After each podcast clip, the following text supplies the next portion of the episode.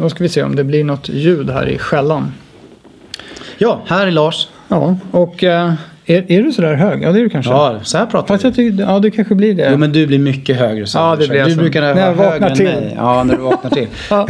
igår hade du en jobb imorgon. Ja, men ja, det, precis. du kom igång även igår. Ja, faktiskt. Det löste sig till slut. Bra. Så, eh, hej och välkomna till Sälj och marknadspodden från Business Reflex. Det här är podcasten för dig som vill ha inspiration och mer kunskap kring försäljning och marknadsföring till den nya digitala B2B-köparen. Och eh, vi som sitter i studion här idag, det är Anders Hermansson. Och Lars Dahlberg. Tja Lasse! Tjena. Solen skiner. Ja, den gör det. Och det är ju fredag. Ja, vi hade ju cozy-frukost eh, i- idag i Gamla stan Ja, med, med gänget. Underbar start på dagen. Ska vi ge en liten sån här rave till eh, Cozy Café, Stora Nygatan, Stockholm? Mysigt. Mm. De har en eh, balkong där uppe som man knappt förstår hur man kommer upp på med en liten trappa. Ja. Grymt trevlig personal Ja, också, bra faktiskt. personal. Jättebra ja, ordning. De gillar vi. Eh, det är så här att eh, du och jag har ju gått runt och funderat på en spaning ganska länge Anders. Ja. Eh, och den kände vi att nu måste den ut helt enkelt. Ja, det har, det har drivit på en viss frustration här kring sakers tillstånd. Ja, precis. Så det här avsnittet kan bli lite vilt kanske. Nej, Nej, jag vet inte. Men det kommer komma spaning. Ja. Men innan vi kör spaningen så ska vi köra, tycker jag, veckans eh, content veckans raket. som de Veckans kör på raket. Precis. Veckans raket. Trackslistan från Ja. 1973. Periscope, eh, våra nya livestreaming videotjänst som kanske en del av er har bekantat er med, men fortfarande kanske inte så många. Där är det så att det har börjat hända grejer tycker jag ordentligt. Och här har vi en så himla skön grej som Dagens Industri gör. Eh, lite gammal media som eh, har blivit eh, modern media. Jag tycker vi, det känns som att vi behöver hjälpa Dagens Industri på traven lite grann. Därför promotar vi deras nya initiativ här i Sälj och. Jättebra jobbat Ja. och framförallt så ska jag säga så här. Eh, tjejen som gör det här, hon är helt makalös. Men vi vet inte vem det är.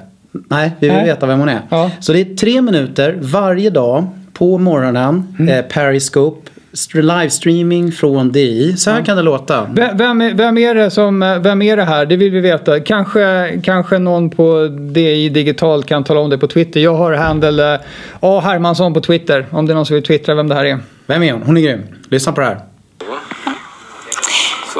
Ja. Och välkomna till Börsen på tre minuter. Programmet där vi pratar om de senaste börssnackisarna.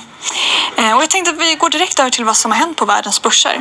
För det var ju inga stora rörelser igår. Stockholmsbörsen stängde Ja, vi stoppar där. Men hon bara kör alltså. Riktigt Ja. härligt. På Bra. Livestreaming Livestreaming varje dag. Och snackable content, tre minuter, bra grejer, direkt sant. Ja, det är, Ja, det är riktigt bra. Eh, hon gör det varje dag. Det är samma koncept. Ja. Funkar. Eh, över till våran lilla spaning. Jag tror att det som har lett oss in tror jag mycket på den här spaningen det är, det är något vi har pratat om tidigare i Sälj marknadspodden. Det faktumet att det är snedfördelat i marknadsföringsbudgetarna mellan traditionell marknadsföring och eh, digital marknadsföring. Det sker ju en, en förändring här lite så tillvida att, att man lägger mer på det digitala men det är fortfarande väldigt mycket en snedvridning i förhållande till eh, till var köparna befinner sig någonstans, eh, skulle jag vilja säga då.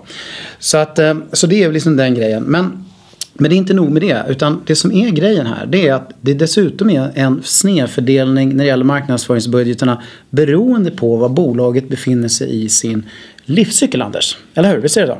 Ja, precis. Vi pratar med eh, många bolag som är tidigt i sin livscykel. Och eh, om man tittar på det, det traditionella bolaget så där, som Lasse sa då, där, där är ju fördelning mellan traditionell marknadsföring och digitalt. Det är det som är utmaningen där. Och inte bara hur man fördelar sin budget kanske utan även vad man har för kompetens på marknadsavdelningen och, och eh, hur man fördelar budgeten mellan sälj och marknad på det traditionella bolaget. Det är den stora utmaningen där.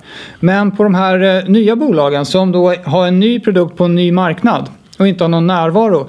Där är det många som trampar i klaveret för att de ligger kvar i produktutvecklingsmode för länge. De skottar in för mycket pengar i produktutveckling vilket gör att de kanske missar tåget på marknaden. Eh, så man måste veta när man har utvecklat nog mycket produkt för att sen växla över och prioritera kommunikationen mycket, mycket högre. Precis, och det, då jobbar man mycket med, med traditionella kopior och traditionella modeller eh, kring hur den här budgeten ska fördelas. Men, Ja. men de funkar liksom inte riktigt längre i den här moderna världen där köparna är så väldigt digitala. Nej, om målet med marknadsföringen från början är att generera affärer och generera lead som, det, som det, så, det handlar om så mycket inom business to business. Då är det ju ingen idé så att säga att köra igång marknadsföring förrän man har en komplett säljbar produkt och en leveransorganisation på plats och allt det här.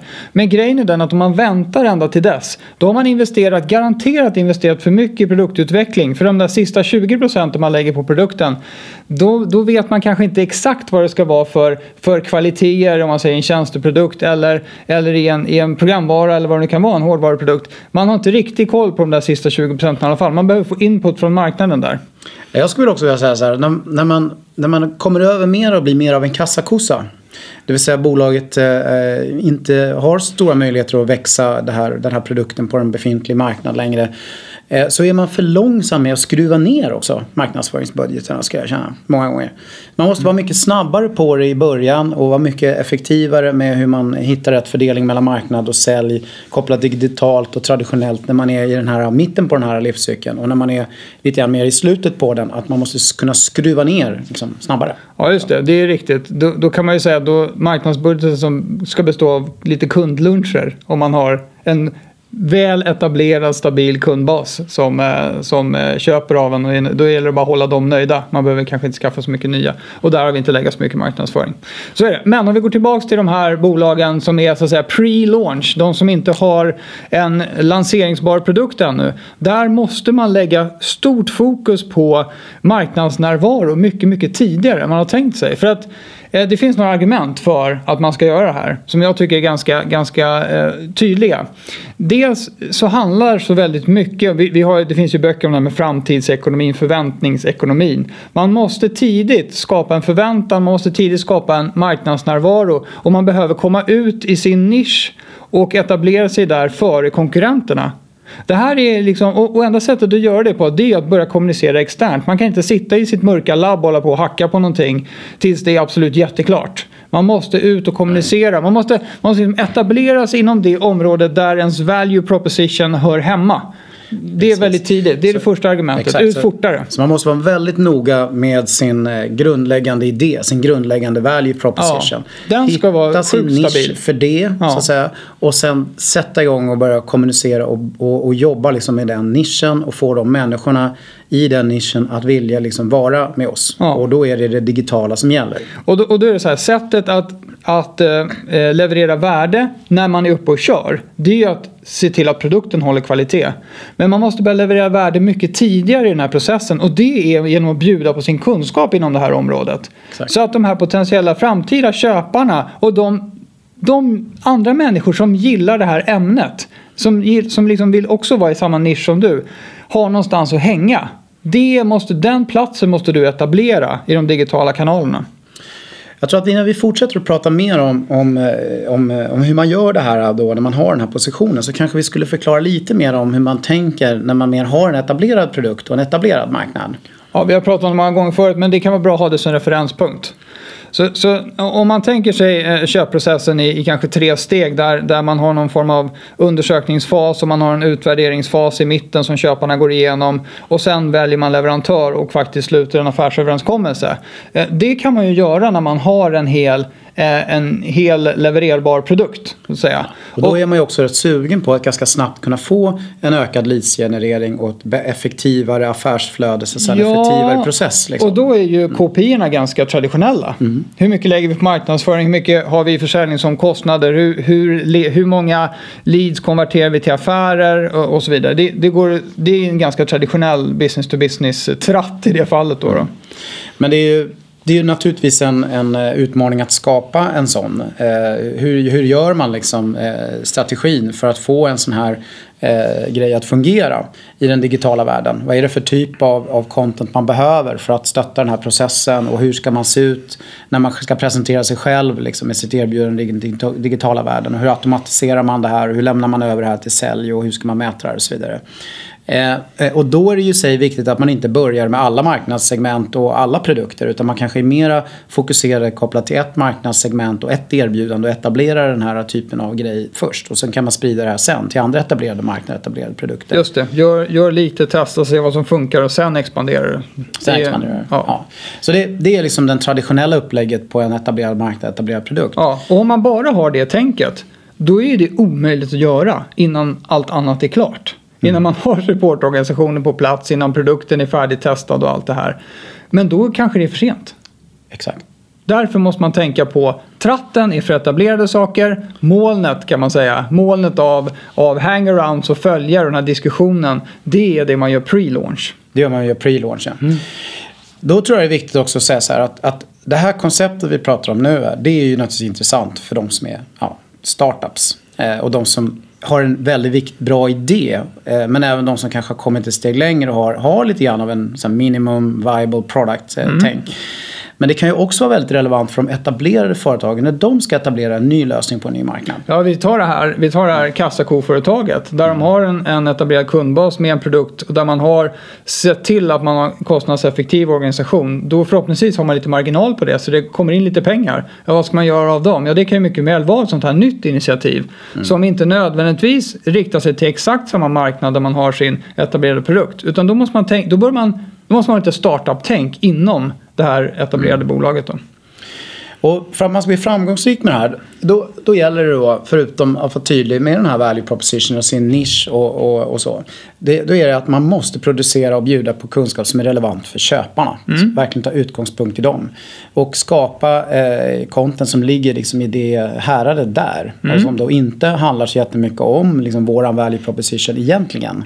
Eh, utan som handlar om så att säga, det som är relevant för köparna kopplat till den här grejen vi gör. Eh, men då kan man säga så här, ja, varför är det här så bra för dem? En av anledningarna är naturligtvis då att, att man kan ju bygga, liksom en, en, eh, bygga en tratt, om vi använder det begreppet, och, och skapa följare eh, ganska tidigt. Och så man kan muta in den här marknaden. Ja, man blir, man blir ju en röst inom den nisch man har valt. Eh, och man skapar sig liksom en position där.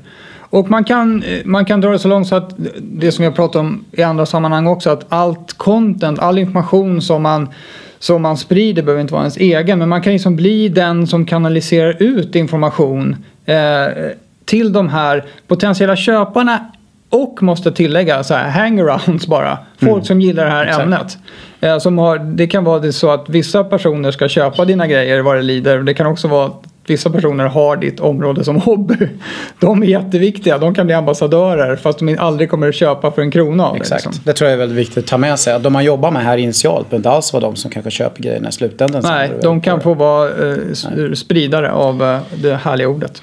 Ja, för det som händer här det är att, att tänker man rätt från början här då, då kommer man ju sen att kunna bygga på det här sen och göra mera typer av content som för de här framåt i någon form av köpprocess som till slut leder till att man köper det här när man väl är färdig med produkten och när man lanserar produkten. Ja. Eh, och, och, och det går rätt lätt att komma från liksom det här läget man har många som följer en och har intresse kring området till att liksom hamna i det läget där man faktiskt kan sälja. Man kan till och med säga till dem att jag kommer att lansera en produkt. Ja, det, alltså, du har ju Kickstarter-grejen. Där gör man ju en film om eh, ganska exakt vad det är man tänker göra för någonting. Och folk som så att säga hänger på det, de köper ju det innan det finns. Så där säljer man ju saker långt innan de finns. Så det är Kickstarter-upplägget och det kan passa vissa. Men det finns också en mer, en mer eh, ja, där man inte behöver ha in pengar från sin, från sin målgrupp utan där man mer bara vill skapa en stor marknadsnärvaro så man sen ska kunna växla upp något brutalt när man vill lansera sin produkt. Då. Mm. Precis, och när man väl lanserar sin produkt då har man ju med det här upplägget möjligheten att prata med de som har börjat så att säga, följa en och vara med en i den digitala världen. För att bättre förstå hur man ska paketera den och hur man ska positionera den och, och, och hur man ska investera i den och vad den ska liksom klara av att göra. Ja. Det här erbjudandet, den här produkten, tjänsten som Man, man, lansera. kommer, man kommer att kunna få feedback från marknaden Mm. på de där sista 20 procenten som man behöver fixa till. Eh, Så det kommer vara mycket säkrare att man investerar de pengarna rätt innan man lanserar. Och det kan ju gud förbjude vara så också att man märker att man inte får liksom någon, någon traction så att säga Ja, eh, kring de absolut. här grejerna. Eh, och, Tillbaks och då, till ritbordet. Ja, tillbaks till ritbordet. Eh, då kanske man aldrig ska ta den där stora investeringen i produkten. För det vet ju eh, vi som har hållit på med det här länge. Det är att det, investeringarna i produkt och lansera produkt och rulla ut produkt och allt som kretsar kring det där är ju mycket större än vad man oftast tror. Ja, det är, det är riskabla grejer. Och, och det är också så, de som, behöver, eh, de som har en sån typ av business som behöver resa pengar. Om de börjar tidigt med marknadsnärvaro och kan visa för potentiella investorer att de har ett gäng med hangarounds som, som eh, pratar om samma saker som dem, att de har skapat någon form av rörelse där ute på marknaden, så är det också någonting som investerarna väger in när de eh, funderar på om de ska ge mer pengar till det här bolaget eller inte. Då. Istället för att bara visa upp, kolla vi har den här prototypen som är nästan klar. Vi, vi har inte pratat med någon om den men den kommer nog att funka. Det är ganska, ganska, eh, det är ganska stor risk då. Jämfört med att man har fått feedback och har folk som, som verkar gilla det här. Då. Mm. Så det, det, är en, det är en annan grej. Mm. Men eh, samma grundförutsättningarna för att lyckas med det här är egentligen de samma eh, i, som de är i det traditionella läget. Där man har en, en, befintlig marknad och en befintlig produkt. Det är bara det att man, strategin och hur man gör det, eh, i vilken ordning man gör det, eh, skiljer sig. Ja, och det är ju, det är ju extremt osäljigt det man gör pre-launch. Mm. Man, man håller inte på, man lägger ingen energi alls på att sälja, försöka vara smart och, och eh, eh sälja sin produkt som då inte är klar. Utan man fokuserar helt och hållet på att vara bjussig och försöka få folk att börja gilla den. För att om man har ett gäng med folk som gillar den när man sen ska lansera produkten. Då kan jag slå vad om att då blir det ju så att då kommer de hjälpa till. Mm. Helt enkelt. Eh, det finns ju en hel del exempel eh, på det här. Framgångsrika exempel på det här i USA framförallt. Men eh, vi kan väl nästan vara lite grann ett exempel på det vi själva också, Anders. Det är ju så vi har tänkt. Ja, vi, vi, eh, vi började ju och uh, producera content som tokdårar här när, när vi mm. drog igång lilla Business Reflex då. Och uh, var bjussiga med det och fortsatte att vara bjussiga med content. Och tror jag fått ganska många som, ja, som tycker att vi levererar värde utan att vi avkräver dem någon form av peng för det. Uh, och det gör att man etablerar sig på marknaden, i, i vårt fall då, då för uh, digital marknadsföring och försäljning mm. uh, i Sverige. Så det, det, är vår, det är vår marknad, vår nisch. Den kan man ju säga, den är ju ganska konkurrensutsatt då. Det, det, finns ju många spelare på den marknaden naturligtvis. Men, men jag tycker det verkar som att det finns en hel del människor som har ja, gillar för vi har den ja. approachen vi har. De, de hoppat in där och, och, och, är med oss i den digitala världen på olika sätt. Ja. Sen, sen har ju vi slipat och mycket på vårt koncept, på vår produkt, eh, vårt erbjudande. Eh, och tagit mycket input eh, ifrån marknaden på olika sätt. Både kunder och, och sådana som inte har blivit våra kunder. Som har funnits med i vår dig, digitala relation. Ja, precis. Det är ju så att det, det, det, i vårt fall som en tjänsteleverans, vi har ju vi har ju levererat och så att säga fakturerat från tidig men, men vår marknads och försäljningsstrategi har inte ut, gått ut på att trycka folk genom någon form av säljtratt det fortaste det går. Utan, utan vi har ju levererat i lugn och ro och vuxit i den takt vi vill. Mm. Eh, och för att kunna hålla kvalitet i grejerna. Och sen har ju vi naturligtvis fått erfarenhet då från alla våra tjänsteleveranser. Och paketerat och fixat och trixat så att allting ska bli jättebra. Och nu har vi kommit ur garderoben med det. Ja, det nu, gjorde vi här rätt nyligen. Ja, precis. Och nu har vi liksom då lanserat den här tjänsten mer färdigpaketerat. Men det, det var liksom, i vårt fall var det ju mm. ingen större brådska med det. Men, men eh, ja, så, så, så gjorde vi och det, det verkar ha funkat för oss i alla fall. Mm. Um, ja. Ja, här, nu har vi fått ur oss den här ja, spaningen. Lite grann en gång. Vi, vi snackade om det så länge nu, men ja. nu, nu drog vi den idag. Det känns lite grann som efter man har nyst. Att det är lite ja. skönt. ja, precis. Lätta trycket. Prosit. Ja, precis. Nej, men jag tror att vi kommer få anledning att prata mer om det här i framtida poddar. Eh, men, men just det där att man är jäkligt på det klar med som, som, eh, eh ja, som ledningsperson, vd, entreprenör med hur kostnadsfördelningen ska se ut mellan de här olika eh, stora kostnadsställena i sitt bolag eh, beroende på i vilken fas man är. Och jag tror att den stora tankenöten här det är att fundera över när ska man växla över och lägga mer fokus och pengar ärligt talat på marknadssidan. Det kanske låter som vi pratar egen sak här, kommer köpa av oss, men det, det är en större fråga än så. Jag tror att det är sjukt viktigt att man att man växlar över tidigare än man normalt tror att man ska göra. För att man har liksom den här traditionella tratten framför sig. Men det är liksom det nya molnet som man ska ha framför sig. Det är det som är grejen mycket tidigare.